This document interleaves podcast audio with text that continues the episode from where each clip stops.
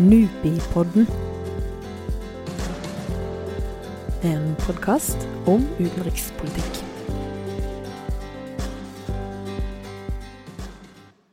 Det er snart fire år siden 20 000 e-poster som tilhørte valgkampstrategen til daværende presidentkandidat Hillary Clinton, ble lekka etter hacking. Datainnbruddet bidro til en rekke kritiske oppslag om Clinton i valginnspurten. Hvem var ansvarlig for e-posttyveriet? Pekefingeren ble raskt retta mot hackergruppa Fancy Bear, som skal være tett kobla til russisk etterretning. Nå, fire år seinere, er spekulasjonene om påvirkning av årets presidentvalg i full gang. Og nå kan du kanskje gjette hva vi skal se nærmere på i dag? Jo da, temaet er hacking av demokratier. Mitt navn er Ane Isbrekken, og i Nupipodden i dag har jeg vært så heldig å få med meg kollegaene mine Nils Naglhus Skia og Lars Gjesvik. De er nettopp ferdig med et forskningsprosjekt om cybertrusler mot demokratier. Så først og fremst, Lars, lurer jeg og sikkert mange andre på, hvor lett er det egentlig å hacke demokratier, og hva kan de her hackerne faktisk gjøre? Uh, ja, godt spørsmål. Um, det er flere ting man kan se for seg at uh, kommer til å skje. Kanskje mest sånn åpenbare er at noen gjør noe med selve valget, enten ved å på en eller annen måte endre stemmer, fjerne stemmer, eller um, rett og slett gjøre det sånn at valget ikke kan gjennomføres. Nå har vi jo akkurat uh, hatt masse nyheter fra Iowa, hvor en app har uh, klusset til opptellingen. Nå var jo det mest sannsynlig ikke noe uh, muffens der, bare en dårlig teknisk løsning. Men man kan se for seg at noe lignende kan skje, at hackere kan få til en lignende effekt. Blant annet så hadde man i Sverige så, så man at nettsiden som viste valgresultatene, ble tatt ned og var borte i noen minutter, en, en, god stund. Altså i valget, forrige svenske valget? Forrige svenske valget, riktig. Og det gjorde at folk mista tillit. ikke sant? Hadde mistanke om at det her er noe valgfusk på gang. Det er én ting man kan se for seg så kan man se for seg at eh, dette med å lekke sensitiv informasjon, som jo er et gammelt triks som man har holdt på med i, i hundrevis av år, men pga. at informasjon i dag lagres digitalt, så er det jo både lettere å få tak i den informasjonen, og det er lettere å spre den informasjonen. Og så til slutt så har man jo det som kanskje snakkes mest om, som er dette med påvirkning og desinformasjon, eh, gjerne via sosiale medier. Eh, det ligner jo ganske mye på propaganda, som er et gammelt, gammelt eh, triks i politikken, det. Men måten det kan gjøres på gjennom sosiale medier, ved at det er globalt og umiddelbart, er jo eh, det som gjør det til en ny og muligens større utfordring i dag enn det har vært tidligere. Men Nils, er det sånn at skadepotensialet egentlig er større i dag enn hva det har vært tidligere? Ja, det kan i hvert fall eh, virke sånn. Altså, det er jo ikke noe nytt at folk, eh, som Lars sier, eh, eller stater ønsker å påvirke land, valg i andre, andre land. Men, men, det som er, er nytt, er mengden av informasjon som er tilgjengelig gjennom de digitale nettverkene. Og også hvor enkelt det er å få tak i denne informasjonen. Så kan vi også si litt om, om skadepotensialet og hvordan, om det er større. Altså, det er egentlig tre ting Eh, som er, eh, er, eh, viktig å nevne i den sammenhengen. Og Det ene er at man gjennom de digitale nettverkene kan påvirke selve valgresultatene hvis man klarer å hacke valgmaskinene hvis de er gjort digitale. Det andre er at man kan forstyrre selve prosessene under valgkampen gjennom lekkasjer, som Lars nevnte. Og det tredje er at det kan så tvil om resultatet. Så vi så det at når eh, Trump ble valgt til president, så brukte han hvetebrøddagene sine til å, til å, si at dette valget hadde foregått på en riktig måte, mm. og det ikke var noe tull med det. Istedenfor mm. å si hva han ville gjøre. Men, men, hvem er egentlig de her eh, hackerfolkene, og hvor proff er de? Ja, hvem er, hvem er gærningene? Ja. eh, det, er, altså det er jo en ganske stor eh, Hvis du tar alt som har med påvirkning av valget å gjøre, så er det en, en, en kjempestor gruppe. Men hvis man kanskje ser litt på, ser litt på dette med, med, sånn koordinert desinformasjon, som er sånn med planlagt store kampanjer. Um, Oxford hadde publisert nylig De publiserer årlig en sånn rapport om desinformasjon og eh, propaganda eh, gjennom sosiale medier. De slo fast at i fjor så var det 70 land hvor man hadde sett dette, eh, opp fra 48 i 2018. Dette er stort sett land som er ute etter å holde sin egen befolkning i sjakk. Eh, land er jo som regel mer opptatt av å holde makta internt enn de er å kluse til for andre. Men det var også en god del eh, Det var også en god del eksempler på eh, land som, som, prøvde å påvirke andre land, og som også prøver å påvirke litt sånn på spesielle spørsmål. Eh, kanskje et sånn tydelig tegn er at eh, Kina, som har, vært veldig, har, sine egne apper, sine egne sosiale medier, sitt eget digitale liksom, samfunn, eh, de i forbindelse med Hongkong-protestene så gikk de ganske stort ut på Twitter og Facebook for å prøve å spre desinformasjon om de protestene. ikke sant? Mm. Delegitimere eh, de som demonstrerer, og, og framstille de i negativt lys. Eh, og så er det jo også eh, viktig å få med seg at den Oxford-rapporten peker også på at uh, veldig mange vestlige land gjør det her. Mot sine egne, eller? Mot ja, også mot andre, ja. også mot andre land. Uh, blant annet sånn Snowden-dokumentene har vist at uh, britene var veldig tidlig ute med å gjøre dette, ja. og påvirke andre land. USA har blitt tatt i å, å forsøke å lage falske sosiale nettverk på Cuba. Så dette er ikke noe, noe som er utelukkende noe land som Russland og, og Kina driver med, selv om det er land vi ofte peker på. I tillegg så har du jo eh, en, nærmest sånne kjendiser innenfor eh, Kjendisaktører innenfor påvirkningsoperasjoner, som, som disse russiske hackergruppene som blir kalt uh, Cozy Bear og, og Fancy Bear. Mm. Blir vi påvirka, eller, eller er, liksom, er de fleste av oss ganske robust mot den type påvirkning? Eh, det, er, det, er, veldig vanskelig å, å, svare helt klart på det. Eh, man er jo det er, det er, jo ikke sånn at det, eh, man får en påstand slengt i ansiktet fra, fra, et annet land, og så tror man på det første og beste. Eh, og det gjelder for de aller fleste, er jo i stand til å tenke kritisk og reflektere om informasjonen de får servert. Problemet er ofte at eh, det kan være vanskelig å vite hvor det kommer fra. Hvis man tar dette med f.eks. å lekke sensitiv informasjon, som kanskje har vist seg å være mest effektivt, så, så går jo det ofte via sant, tradisjonelle medier, uh, autoritetsfigurer som man tror på, og blir omformidlet og liksom presentert av personer man, som har større legitimitet. Uh, det er nok en, det er noe forskning etter det amerikanske valget i, i 2016 fra Johai Benkler og Robert Farris som så på det, og så at uh, for at disse, denne desinformasjonen skal fungere, så er det ganske essensielt at den blir presentert av noen man stoler på, eller et medium man stoler på først. Det man jo frykter, den dystopiske verden man ser for seg at kanskje skal komme en dag, er jo at eh, fordi du eh, legger igjen så mye informasjon om deg selv på nettet, som kan bli samlet opp, så kan informasjonen bli presentert på en måte som er så unikt tilpasset deg at det er vanskelig for deg å å skille mellom sant og, og falskt, og at det, på en måte hele ideen om en offentlighet bryter litt sammen når alle får servert sine spesialtilpassede nyheter. Vi er jo ikke der i dag, men, men det er jo på en måte kanskje det framtidshelvete ja. man, man, prøver å finne. Og så har du jo eh, litt sånne forenklede, morsomme eksperimenter som er gjort av eh, NRK Folkeopplysningen f.eks., som viser at eh, Eh, det, man trenger ikke like store ressurser som stater har for å på en måte forsøke å påvirke ulike ting.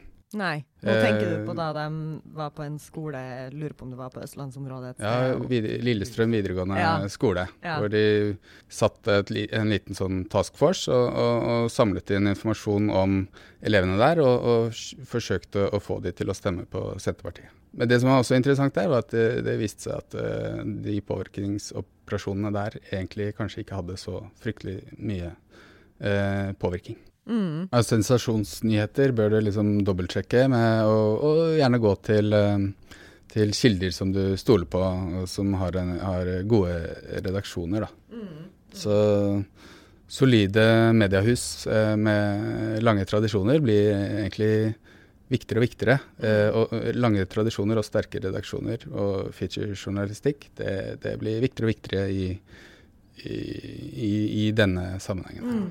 Valgkampstrategen til Hillary Clinton sine e-poster ble jo også rapportert av eh, etablerte medier. Jeg vet på en måte ikke om det da ble uttalt at det her er lekkasjer som vi mistenker at kommer fra russere, på en måte. Men det er jo noe med å, å kanskje tenke på intensjonen bak selve lekkasjen også, da.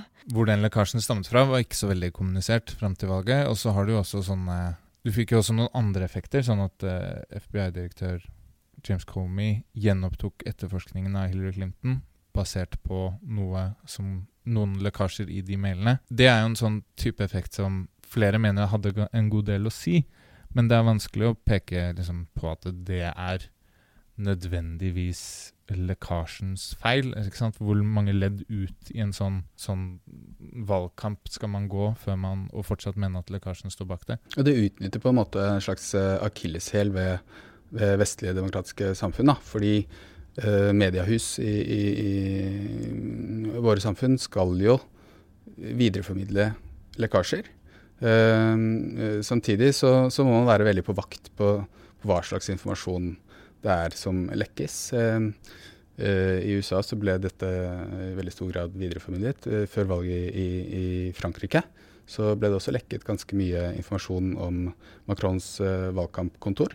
som ikke ble videreformidlet av, av pressen der. En morsom, en morsom, detalj med den akkurat Podesta-saken er jo at uh, han fikk jo denne, mailen, denne phishing-mailen som han syntes så mistenkelig ut, og kontaktet sin sikkerhetsrådgiver og spurte her har jeg fått en litt mistenkelig mail, burde jeg svare på den? Og sikkerhetsrådgiveren mente å skrive denne ser uh, mistenkelig ut, du må uh, bytte passord. Men han skrev i stedet denne ser ikke mistenkelig ut. Du må bytte passord. Og det trykket da på den linken og eh, åpnet hele databasen med mailene sine. Liksom, det hele bunner i en skrivefeil. Så vi kan beskytte oss ganske mye med teknologiske nyvinninger, men menneskelig svikt det er på en måte noe man nesten ikke kan beskytte seg mot. Det er den ultimate sånn 'heng ham, ikke vent til jeg kommer'-eksempelet. Ja. Tatt fra den virke. Ja, det er rettskrivning er det vi virkelig trenger. Ja. Um, jeg vil bare ta det her litt hjem, så jeg lurer på hvor sannsynlig er det at noen vil prøve å hacke det norske demokratiet? Ja, da kan vi jo se eh, på PST sin eh, trusselvurdering som eh, kom i forrige uke. Der løfter de fram eh, nettopp digitale trusler som noe vi bør være på vakt på i Norge. Samtidig så kom eh, Sintef med en eh, rapport, forskningsrapport i, i forrige uke, det òg, tror jeg. hvor de viser at de ikke har funnet noen forsøk på å hacke det norske valget i, i, høst. Så er jo ikke det norske kommunevalget det som er mest eksponert for geopolitiske spenninger i utgangspunktet heller. Nei, det er kanskje ikke så interessant for, for stormakter og supermakter å, å hacke det norske, de norske, kommunevalget. Eh, samtidig så har vi også et uh, politisk system i Norge som kanskje er mer robust enn f.eks.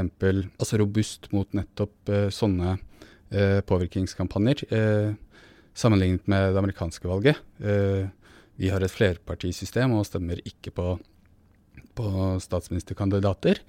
Mens i USA så har de eh, et, i praksis et eh, topartisystem hvor man stemmer på presidenter. Og det gjør det mye enklere for aktører som ønsker å drive på med digitale påvirkningskampanjer, å spille på polariserende krefter i samfunnet. Når det er sagt, så, så, kan vi også sammenligne oss med Sverige, som er et land som er kanskje mest likt Norge. De, der, der opplevde de eh, ganske mye eh, mange forsøk i forbindelse med, med, valget i 2018, hvor det var en del eh, Twitter-bots som kom med, eh, spredde mye falske nyheter. Eh, det er også en forskningsrapport som der viser at 40 av disse falske nyhetene gikk i favør av Sverigedemokraterna.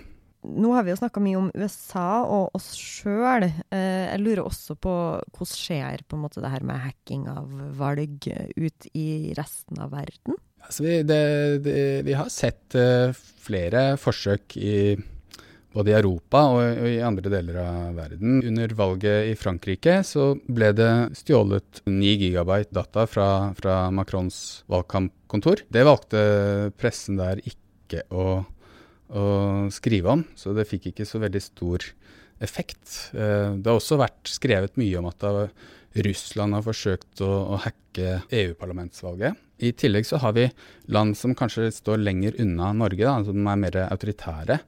Eh, hvor eh, vi så et uh, eksempel i fjor, i 2019, i Sudan, hvor myndighetene rett og slett slo av internett i, i, rett i forkant av, av valget, for å hindre uønsket informasjon å spre seg i samfunnet.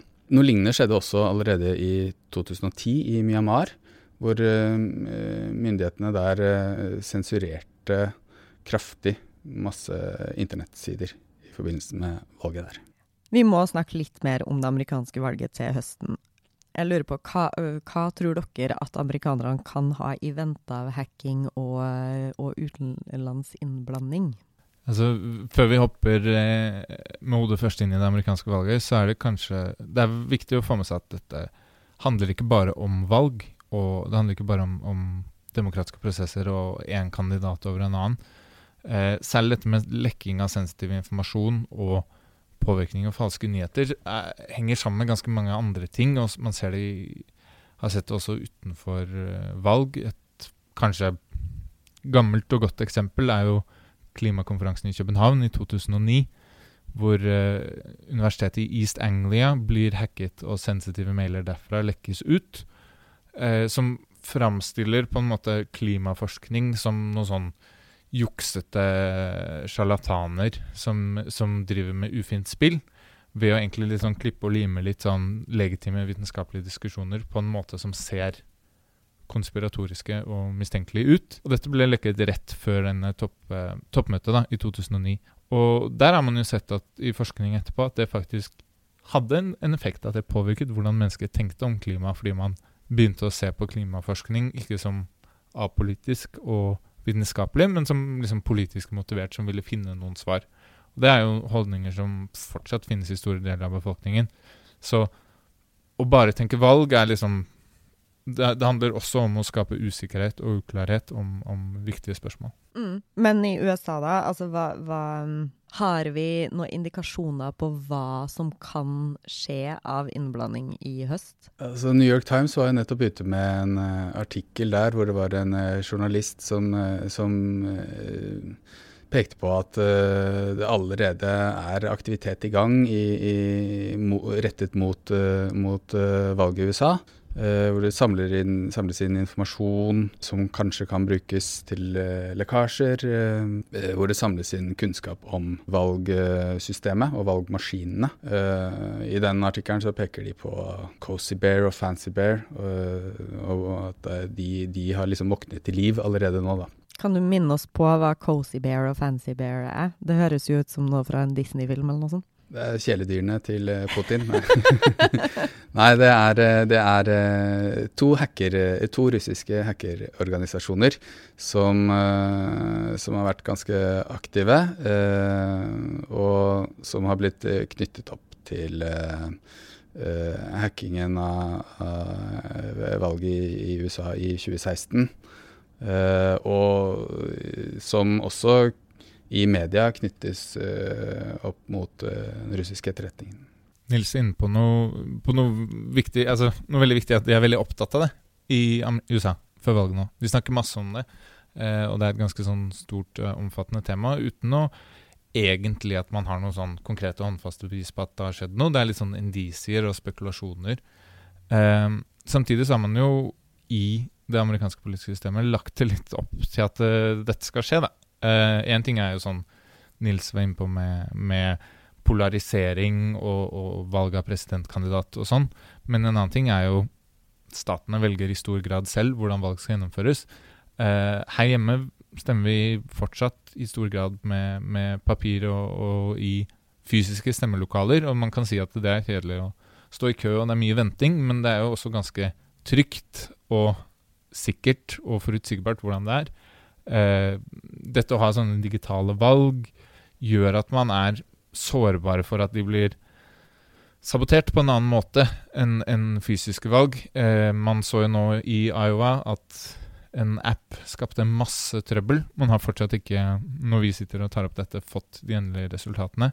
Eh, man har også sett at stater, byer i USA er dårlig egna til å stå imot denne type hendelser. Nå har de i sommer vært masse løsepengevirus som har eh, eh, lammet byer i lengre perioder. Hvis noe sånt skjedde under valget, det er jo liksom et sånn marerittscenario hvor sant, teknologien svikter sånn at valget ikke kan gjennomføres. Og det ville jo vært Altså Én ting er konsekvensene, men, men, hvordan man hadde snakket om det, hvor mye mistillit det hadde skapt i et politisk system som allerede er preget av ganske mye mistillit, er jo egentlig det verste man kan tenke seg. Det det høres jo ut som at det faktisk er en del ting som kan gå galt, da. Men, men hva gjøres egentlig for å forhindre det her? Hva gjør myndighetene?